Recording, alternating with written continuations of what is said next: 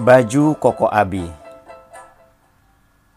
Hari kedua Idul Fitri sangat ditunggu-tunggu anak dan cucu Quraisy. Mereka berkumpul bersama keluarga besar Syihab. Titik pertemuan bergantian tiap tahunnya. Kadang di rumah Quraisy, Alwi, Umar, atau adik lainnya. Sore hari semua berkumpul, saling bermaafan dan bercengkrama. Tapi puncak acara yang paling ditunggu Ya pembagian hadiah lebaran dari Abi, kata Hala putri bungsu Quraisy. Semua kebagian hadiah, bisa baju, tas, buku, gadget baru, angpau atau amplop berisi uang, atau mainan untuk anak-anak. Satu hadiah tidak pernah absen, baju koko. Itulah busana yang dikenakan Quraisy selama pengambilan gambar ceramah Ramadan di stasiun televisi. Quraisy muncul di sejumlah stasiun televisi selama Ramadan, setiap episode, busananya berbeda. Ia pun bisa mengumpulkan lebih dari 30 baju koko. Quraisy enggan memakai baju pinjaman. Lebih baik memakai baju sendiri daripada harus memakai baju yang disiapkan stasiun televisi tapi pinjaman. Prinsip itu dipahami semua produser televisi yang menangani program Quraisy. Baju yang disiapkan untuk dirinya dari pihak sponsor akan jadi miliknya atau dia akan memakai pakaian sendiri. Prinsip itu diwarisi Quraisy dari ayahnya, Habib Abdurrahman Syihab.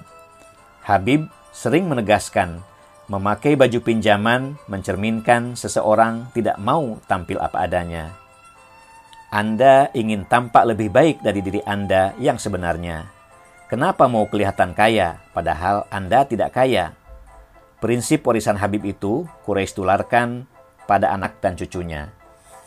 Baju-baju syuting itulah yang menjadi hadiah untuk kerabat, anak, menantu, dan keponakan di hari Lebaran. Khusus untuk anak laki-lakinya, Ahmad, dan para menantu, baju koko plus sarung sudah dibagikan sebelum hari raya. Mereka memakainya saat sholat id. Quraisy sendiri yang memimpin acara bagi-bagi hadiah. Tentu saja ada syarat khusus untuk mendapat hadiah sesuai permintaan Quraisy atau hadirin.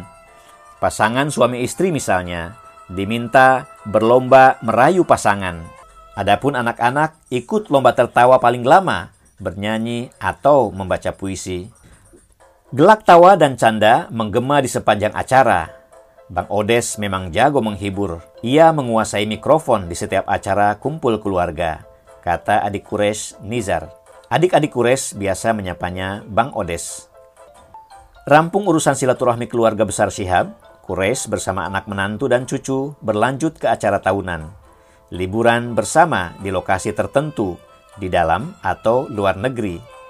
Anak-anak bergantian menjadi ketua panitia yang bertanggung jawab mengordinasi persiapan, penerbangan, akomodasi, dan kegiatan di lokasi tujuan. Tentu di acara itu, baju koko hadiah Quraisy tidak wajib dikenakan para mantu.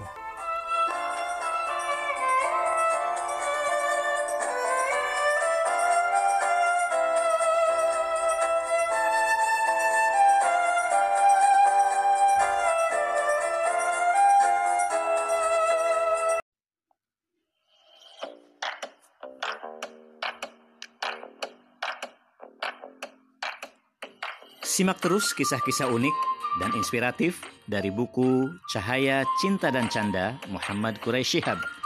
Hanya di The Clouds